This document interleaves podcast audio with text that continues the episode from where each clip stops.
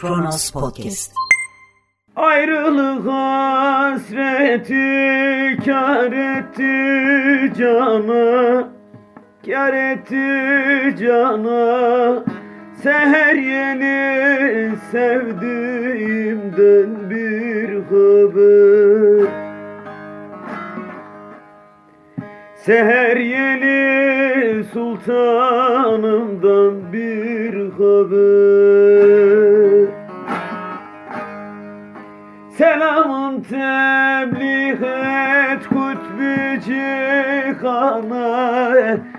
Kutbi cihana Seher yeli sevdiğimden bir haber. Seher yeli mücevherden bir haber Dinlediğiniz ses bundan sonra sadece kayıtlardan ulaşılabilecek bir ses. Çünkü 9 aydır çalışamayan müzisyen Ay geçim sıkıntısından intihar etti. Merhaba sevgili Kronos takipçileri 16 Aralık 2020 Çarşamba günün tarihi ve ilk başlığımız maalesef üzücü. İstanbul Beyoğlu'nda çeşitli mekanlarda sahneye çıkan müzisyen Duran Ay geçim sıkıntısından intihar etti. Beyoğlu esnafından Aydın Kara intihar eden müzisyenin 9 aydır hiçbir şekilde para kazanamadığını söyleyerek birçok emekçi arkadaşımız bunalımda intiharın eşiğinde dedi.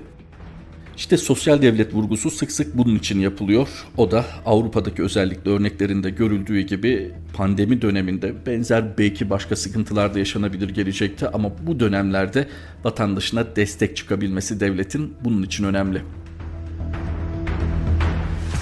Bir diğer başlık Kronos Haber'de Yargıtay üyelerine baskı mı var? İrfan Fidan Anayasa Mahkemesi üyesi seçilecek mi? Yargıtay'a üye yapıldıktan sonra henüz göreve başlamadan AYM üyeliğine adaylığını açıklayan eski İstanbul Başsavcısı İrfan Fidan'a bir tepki de Deva Partili Yeneroğlu'ndan geldi. 27 Kasım 2020 tarihinde Hakimler ve Savcılar Kurulu tarafından Yargıtay üyeliğine atanan eski İstanbul Cumhuriyet Başsavcısı İrfan Fidan henüz görevine başlamadan üyelere gönderdiği yazıyla Anayasa Mahkemesi üyeliğine aday olduğunu açıklamıştı. Anayasa Mahkemesi'nde boşalacak Yargıtay üyeliği koltuğu için aday olan İrfan Fidan'ın bu hareketi Yargıtay üyeliği AYM için basamak yorumlarına neden oldu. Deva Partisi Genel Başkan Yardımcısı Mustafa Yeneroğlu bu gelişmeyi tepki gösteren isimlerden HSK'nin Avrupa Yargı Kurulları ağının nitelemesiyle tüm eylem ve kararlarıyla yargının bağımsızlığına dair herhangi bir endişe taşımadığını ortaya koyan sadece adı kalmış bir kurula dönüştürüldüğünü kaydeden Yeneroğlu 27 Kasım 2020'de HSK tarafından çok tartışmalı yargı üyelerinin yargıtaya atanmaları bunun son örneğidir. Atamaların operasyonel olduğu üyelerden birinin henüz cübbesini dahi giymeden yargıtay adayı olarak Anayasa Mahkemesi üyeliğine adaylığını açıklamasından açıkça anlaşılmaktadır değerlendirmesinde bulundu. Yeneroğlu'nun bu açıklamaları elbette önemli. Hani denilebilir ki akşamdan sabaha neyi değiştirir? Yeneroğlu gibi bunu söyleyenlerin sayısı arttığında mutlaka değişen bir şeyler olacaktır. En azından hala vicdanlarının derinlerinde bir yerde hakikat saygısı, hakikat hürmeti saklayanlar açısından bir alan açacaktır. Diğer başlıklarla devam ediyoruz. Erdoğan'dan ABD'ye bu nasıl ittifaktır, bu nasıl müttefiktir? Geçtiğimiz haftalarda gündemimizde Avrupa Birliği'nin yaptırım tehditleri vardı. Dün de bir süredir gündemde olan Amerika Birleşik Devletleri yaptırımları açıklandı. Çok net ifade ediyorum. Bakınız 2017'den bu yana katsa konusunda hiçbir ülkeye Türkiye'den başka bu yaptırım yani bu katsa uygulanmamıştır. İlk defa bir NATO üyesi olarak ülkemize uygulanmaktadır. Bu nasıl bir ittifaktır? Bu nasıl bir müttefikliktir? Bu karar ülkemizin egemenlik haklarına yönelik aleni bir saldırıdır. Kararın gerekçesi nedir? Gerekçe Türkiye'nin Rusya'dan S-400 hava savunma sistemi almış olmasıdır. Peki Türkiye bu yola ne için başvurmuştur? Çünkü Amerika çok uzun zamandır kendi elindeki hava savunma sistemlerinin ülkemize satışına izin vermiyor. Cumhurbaşkanı ve AK Parti Genel Başkanı Recep Tayyip Erdoğan'ın bu konuşmasında ara ara neden sorularını sormak lazım. Tabi bu da Türkiye'de kendisiyle muhatap olabilecek gazetecilerin işi. Mesela nerede neden diye sorulacak. S-400 alımında Amerika Birleşik Devletleri'nin bir süredir Türkiye'ye silah satmaması buydu gerekçe. Peki neden satmadığı sorusu soruldu mu? Bu neden sorusunun cevabını aslında bugüne kadar işlerine saygısı olan gazetecilerin verdiğini biliyoruz. Kronos'ta bir diğer başlığımız Financial Times Özlem Türeci ve Uğur Şahin'i yılın kişisi seçti. Financial Times gazetesi koronavirüs aşısını bulan BioNTech'in kurucuları Profesör Doktor Uğur Şahin ve Doktor Özlem Türeci'yi yılın kişisi olarak seçti. Memnuniyetle ayrıntısına geçebiliriz bu haberin. Financial Times'da Türeci ve Şahin hakkında şu ifadelere yer verildi. BioNTech'in kurucu ortakları geçtiğimiz hafta dünyanın dört bir yanından evrak işleriyle boğuşurken 90 yaşındaki Margaret Kiana'nın Birleşik Krallık'ta aşı yapılan ilk hasta olduğu televizyon görüntülerini kaçırdılar. Çift o anlardan arkadaşları ve meslektaşlardan gelen mesajlar yoluyla haberdar oldu. Doktor Şahin gergindik diye itiraf ediyor. 6 ülkedeki klinik çalışmalarda 22 binden fazla kişiye aşılarının uygulandığını görmesine rağmen Şahin insanların testler dışında gerçekten ilk kez aşılandığını görmek çok farklı dedi. Sadece tebrik yetmez tabii ki teşvik de gerekir. Fakat neyi teşvik edeceksiniz, nasıl teşvik edeceksiniz? Neticede Profesör Doktor Uğur Şahin ve Doktor Özlem Türeci Türkiye'den bir takım olumsuzluklar nedeniyle ayrılan Türk yurttaşlarıydı. Hemen 24 saatlik verileri paylaşalım yine Kronos'tan. Koronavirüsten 240 kişi hayatını kaybetti, 29.718 vaka tespit edildi. Sağlık Bakanı Fahrettin Koca Twitter'dan yaptığı açıklamada bugün tespit edilen 4893 hastamız var. Bir süredir günlük hasta sayımız düşüşte. Bugün uzun bir aradan sonra ilk defa günlük iyileşen sayısı yeni vaka sayısını geçti. Aktif hasta sayımız uzun bir aradan sonra düşmüş oldu. Sevdiklerimizi tedbirle koruyalım dedi. Sayın Koca ile gündeme gelen biliyorsunuz bir hasta ve vaka ayrımı var. Bununla birlikte bir de aktif hasta kavramı var. Bu konunun kafa karıştırıcı olduğunun farkındayım. Fakat herkes kendisini, yakınlarını, çevresini korursa toplumun tamamı da korunmuş olacak. Detaylara çok takılmadan alınacak tedbirler çok net, çok açık. Bu konuda aslında mazeretimiz de yok. Bazı isimler var zaman zaman ilginç çıkışlarıyla gündeme geliyorlar. Profesör Doktor Ebu Bekir Sofuoğlu da onlardan biri. Başlık şöyle. Profesör Doktor Sofuoğlu üniversiteler fuhuş evi. Daha önce Ayasofya'nın mozaikleri sökülsün, İstanbul Sözleşmesi çok kan dökecek ifadeleriyle gündeme gelen Sakarya Üniversitesi'nden Profesör Doktor Ebu Bekir Sofuoğlu bu kez de üniversiteler için Sayın Cumhurbaşkanımız da vurguladı. Neredeyse fuhuş evleri dedi. Bir takım gözlemlere dayandırmış. Buyurun önce kendisini dinleyelim. Efendim üniversite şehirleri geliştiriyormuş da falan da filan da. Yalan. Böyle bir şey yok. Üniversitenin şehirleri geliştirdiğinin göstergesi ne olur? Laboratuvarlar artar, kütüphaneler artar, araştırma merkezleri, efendim araştırma enstitüleri artar. Gidin bakın üniversitelere. Bütün Türkiye'de üniversitelerin yerleştiği yerler Nişantaşı'na döndü. Bizim kanalizasyonu bile ıslah edilmemiş bir yerden yürür giderdik kampüse gitmek için. Peki. Serdivan Sakarya gelsin görsünler Z baksınlar. kuşağına biraz değinelim üniversitelerin o yapıların gelişmesinde falan yani o kadar Yapılar ama e, Sayın Cumhurbaşkanımız da vurguladı. Neredeyse fuhuş evleri. yok hocam Ben yapmayın öyle. tabii canım e, gördüğüm var hocam. Hocam genelleme en azından. Gördüğüm var. ya mutlaka var. Gördüğüm var Ama tabii ki. Genelleme yapmıyorum. İstisna Ben de değil. Hocam. İstisna değil olabilir. Biraz ağır oldu hocam. Yani Bakın ben dolduruyorum. ama Bakın ne diyorum. E ne yapayım ben şimdi? Yok ya her şey çok güzel mi diyeyim? Gördüklerim var. Güzel demeyi Yok, o istisna mutlaka vardır. Hocam, Hocam. apartlar gelin gezdireyim o zaman.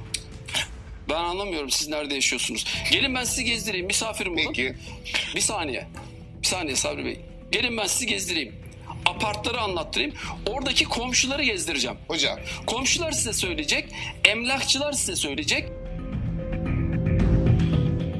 Meşhur sözdür, genellemelerin hepsi yanlıştır, bu dahil. Söylediğinizin doğruluk payı olabilir. Fakat bu kadar genellediğinizde incitici olursunuz. Siz de o camianın içindesiniz. Nereye gittiğinin farkında mısınız bu sözün? Bu kadar genellememek lazım. Akla başka bir konuyu da getirebilir. Hani buyurun zamanlı zamansız bir çıkışta biz bunları söyleyelim, siz de bunu tartışın. Diğer konuları boş verin. Çünkü ilgi de çekecek bir konu, tepki de gösterilecek bir konu. Kronos gündem bir diğer başlıkla devam ediyor. Bahçeli HDP açılmamak üzere kapatılmalıdır. MHP lideri Bahçeli HDP'nin kapatılması gerektiği görüşünü yineleyerek HDP açılmamak üzere kapatılmalıdır dedi. Bahçeli parti kapatmaya karşı çıkan muhalefet partisi sözcülerini de eleştirdi. Bahçeli sosyal medya hesabından yaptığı açıklamada S-400 ile ilgili Amerika Birleşik Devletleri'nin yaptırımlarına ve HDP ile ilgili değerlendirmelere yer verdi. Bahçeli ABD tarafından Türkiye'ye S-400 yaptırımları ile ilgili mecliste bulunan 4 parti tarafından hazırlanan bildiriye destek vermeyen HDP'yi eleştirdi. Bahçeli, Türkiye Büyük Millet Meclisi'nde grubu bulunan 4 siyasi parti ortak bir metne imza atarak yaptırımlar konusundaki yüksek tepkiyi dünyaya ilan etmişlerdir. Ne var ki bu metinde bölücü HDP'nin yine imzası yoktur. Bilakis bu terörist ikmal yuvası Türkiye'ye saldırmış ABD'nin yanında saf tutmuştur dedi. Enteresan değil mi? Daha bir gün önce ne ABD ne Avrupa Birliği bizim Kürt kökenli kardeşlerimizi bizim kadar sever diyen bir siyasi bir gün sonra kendi ifadesiyle Kürt kökenli vatandaşların en çok teveccüh gösterdiği partiyi bölücülükle suçluyor. Hatta terörist ikmal yuvası olmakla suçluyor. Dün akşam Twitter'da en çok etkileşim alan konuyu irdeliyor şimdiki başlıkta. HDP'li Kerestecioğlu'ndan çıplak arama yorumu. Mütedeyyin kadınlara özellikle yapıyorlar. HDP Ankara Milletvekili Filiz Kerestecioğlu Türkiye'nin dört bir yanından hem karakollarda hem de cezaevlerine girişte ya da görüşlerde kadınlara dayatılan çıplak arama işkencesi için mütedeyyin kadınlara bunu özellikle yaptıklarını düşünüyorum yorumunda bulundu. Gerçekten çok e, vahim ve özellikle e, genel olarak kadınlara yapılanın yanı sıra mütedeyyin kadınlara da bunu özellikle yaptıklarını düşünüyorum. Yani burada e, demiş ya e, yazan arkadaşımız e, ben saçımın telini bile göstermeye e, çekinirken diye. Yani e, gerçekten e, bu aslında işte ikinci bir e, ceza ve ikinci bir işkence.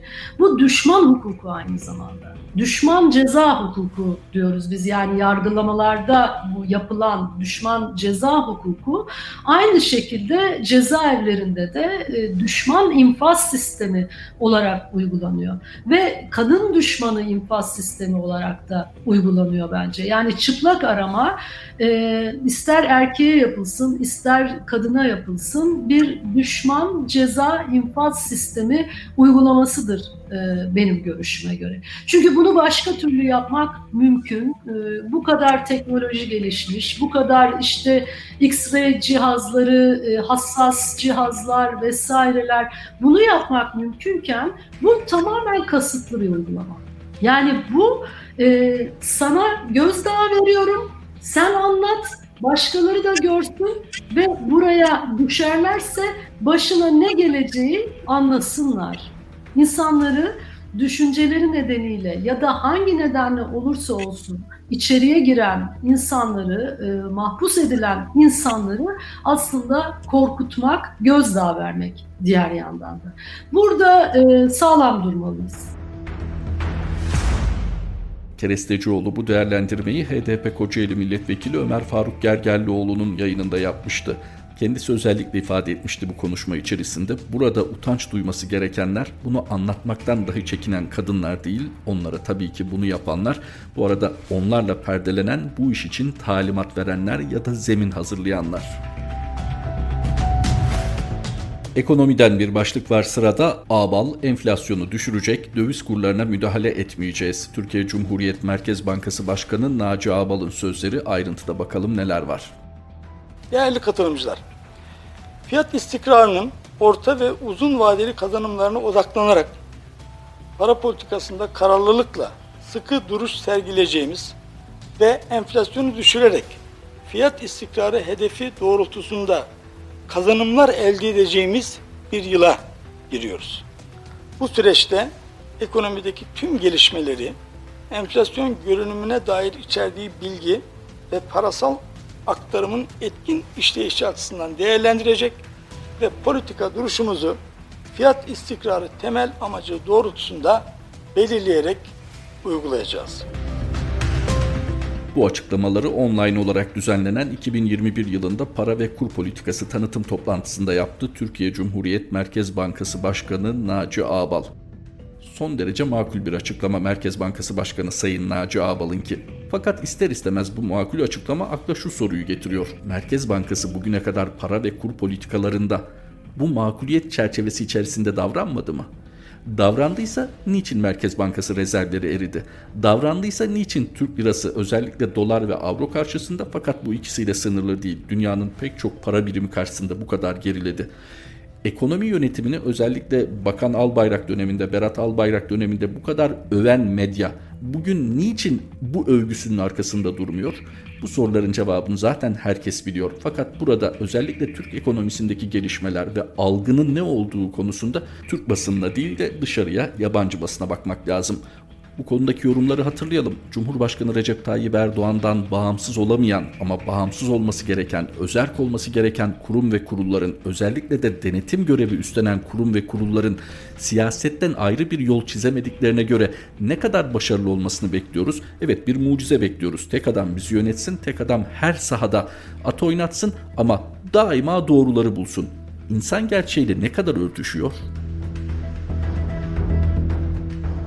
Perinçek'ten Uygur Türklerine ağır hakaret PKK neyse bunlar o. Perinçek Uygur Türklerinin Çin'e karşı ABD tarafından PKK gibi desteklendiğini, IŞİD'e katılan Uygur Türklerinin Türk Silahlı Kuvvetlerine karşı Suriye'de savaştığını iddia etti. NATO'dan, Amerika'dan geliyor. Onun için S-400 alıyoruz Ama biz. Çin'e de güvenemeyiz. Uygur Efendim? Türkleri konusunda sıkıntı yaşıyoruz diyor Hasan Könü. Yine Efendim bu da Rusya'ya bir Amerikan yorumları oldu. efsanesi. Bu da bir Amerikan propaganda ve uydurması. PKK Nasıl neyse olur ya? Nasıl olur? PKK Allah aşkına çok Hayır, girmek bakın, istemiyorum müsaade bu et, konuyu. arayı kesme. Odağından- Bakın PKK neyse PKK neyse istemiyorum ama az önce İran meselesinde buyurun. PKK neyse Doğu Türkistan e, Partisi, İslam Partisi de Allahu. Ekber. Aynı işte nasıl aynı olur efendim? Amerika tarafından eğitilen, CIA tarafından fonlanan e, örgütler bunlar. PKK, A- ayrılıkçı Doğu bir iş mi Türkistan. yapıyorlar? Bunlar Türk Doğu- askerine Doğu kurşun Türkistan'da- Bit- bitireyim. Bitireyim beyefendi. Size geleceğim hemen. Hilmi Bakın Bey, bunlar Türk askerine için. kurşun sıkan adamlar. Bizim e, Fırat Kalkanı harekatında Uygur Türkleri. evet Uygur Türkleri. Evet evet IŞİD içindeki 30 bin 30 bin e, IŞİD içinde 30 bin Uygur Doğu Bey var. bu sözleriniz çok büyük tepki çekebilir. İstediği kadar ben moderatör olarak olur altını böyle- çiziyorum böyle şey? o zaman bir daha ben senin toplantına gelmem. Yok benle Bu bir ilgisi gerçek yok aslında ama arkadaş. Doğu Bey ben moderatör olarak bakın, tarafsız bunu olarak bakın MHP yöneticileri de söyledi. Bu bir gerçek. MHP'nin yöneticileri de söyledi. Bu olsa olsa bir, Bir dakika. saçmalık olur. IŞİD Başka bir içinde şey olmaz. saçmalık değil gerçek. IŞİD içinde Bana göre 30 bin olur. 30 bin bakın rakam İşit veriyorum. kaç kişi de 30 bin şey olacak ya Doğu Türkistan. Bunlar aileleriyle birlikte 10 bini silahlı 20 bini aile e, Su- Suriye'nin kuzeyinde IŞİD içerisinde Irak'ın kuzeyinde 30 bin 10 bini silahlı o Doğu Türkistan İslami Partisi'nin militanları var ve bunlar bizim Fırat Kalkanı harekatında Türk Silahlı Kuvvetlerine kurşun sıktılar Mehmetçiğimizi öldürdüler.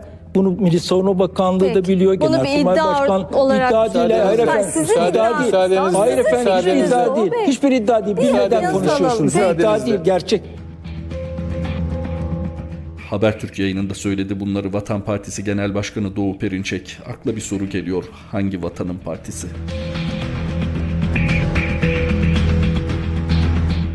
Salgın alışkanlıkları değiştirdi. Az aktivite, az uyku, çok abur cubur. Yapılan bir araştırma koronavirüs pandemisinin fiziksel aktiviteyi azaltarak daha fazla sağlıksız yiyecek tüketmeye yönlendirdiğini ortaya koydu. Araştırmaya göre pandemi insanların anksiyete seviyelerini de yükseltti. Uyku düzeni ise neredeyse tamamen bozuldu.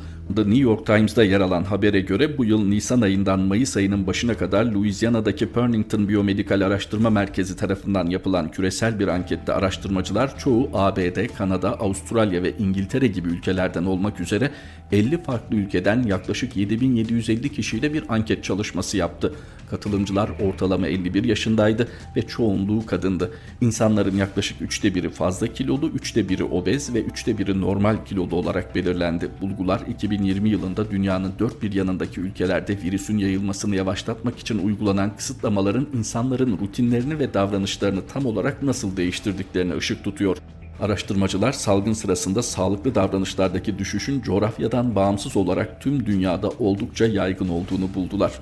Belki ırk özellikleri, millet özellikleri, kültürden kaynaklanan, yetişme kültüründen, yaşam kültüründen kaynaklanan özellikleri farklılık arz edebilir ama neticede insanız ve salgın ortamında herkes evine kapanıyorsa tabii ki bir takım rahatlama eylemleri artacaktır.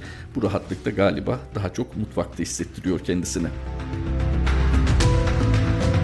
Bu başlıkla noktalıyoruz. Kronos Haber'de gündemi aktardık. Tekrar buluşmak üzere. Hoşçakalın.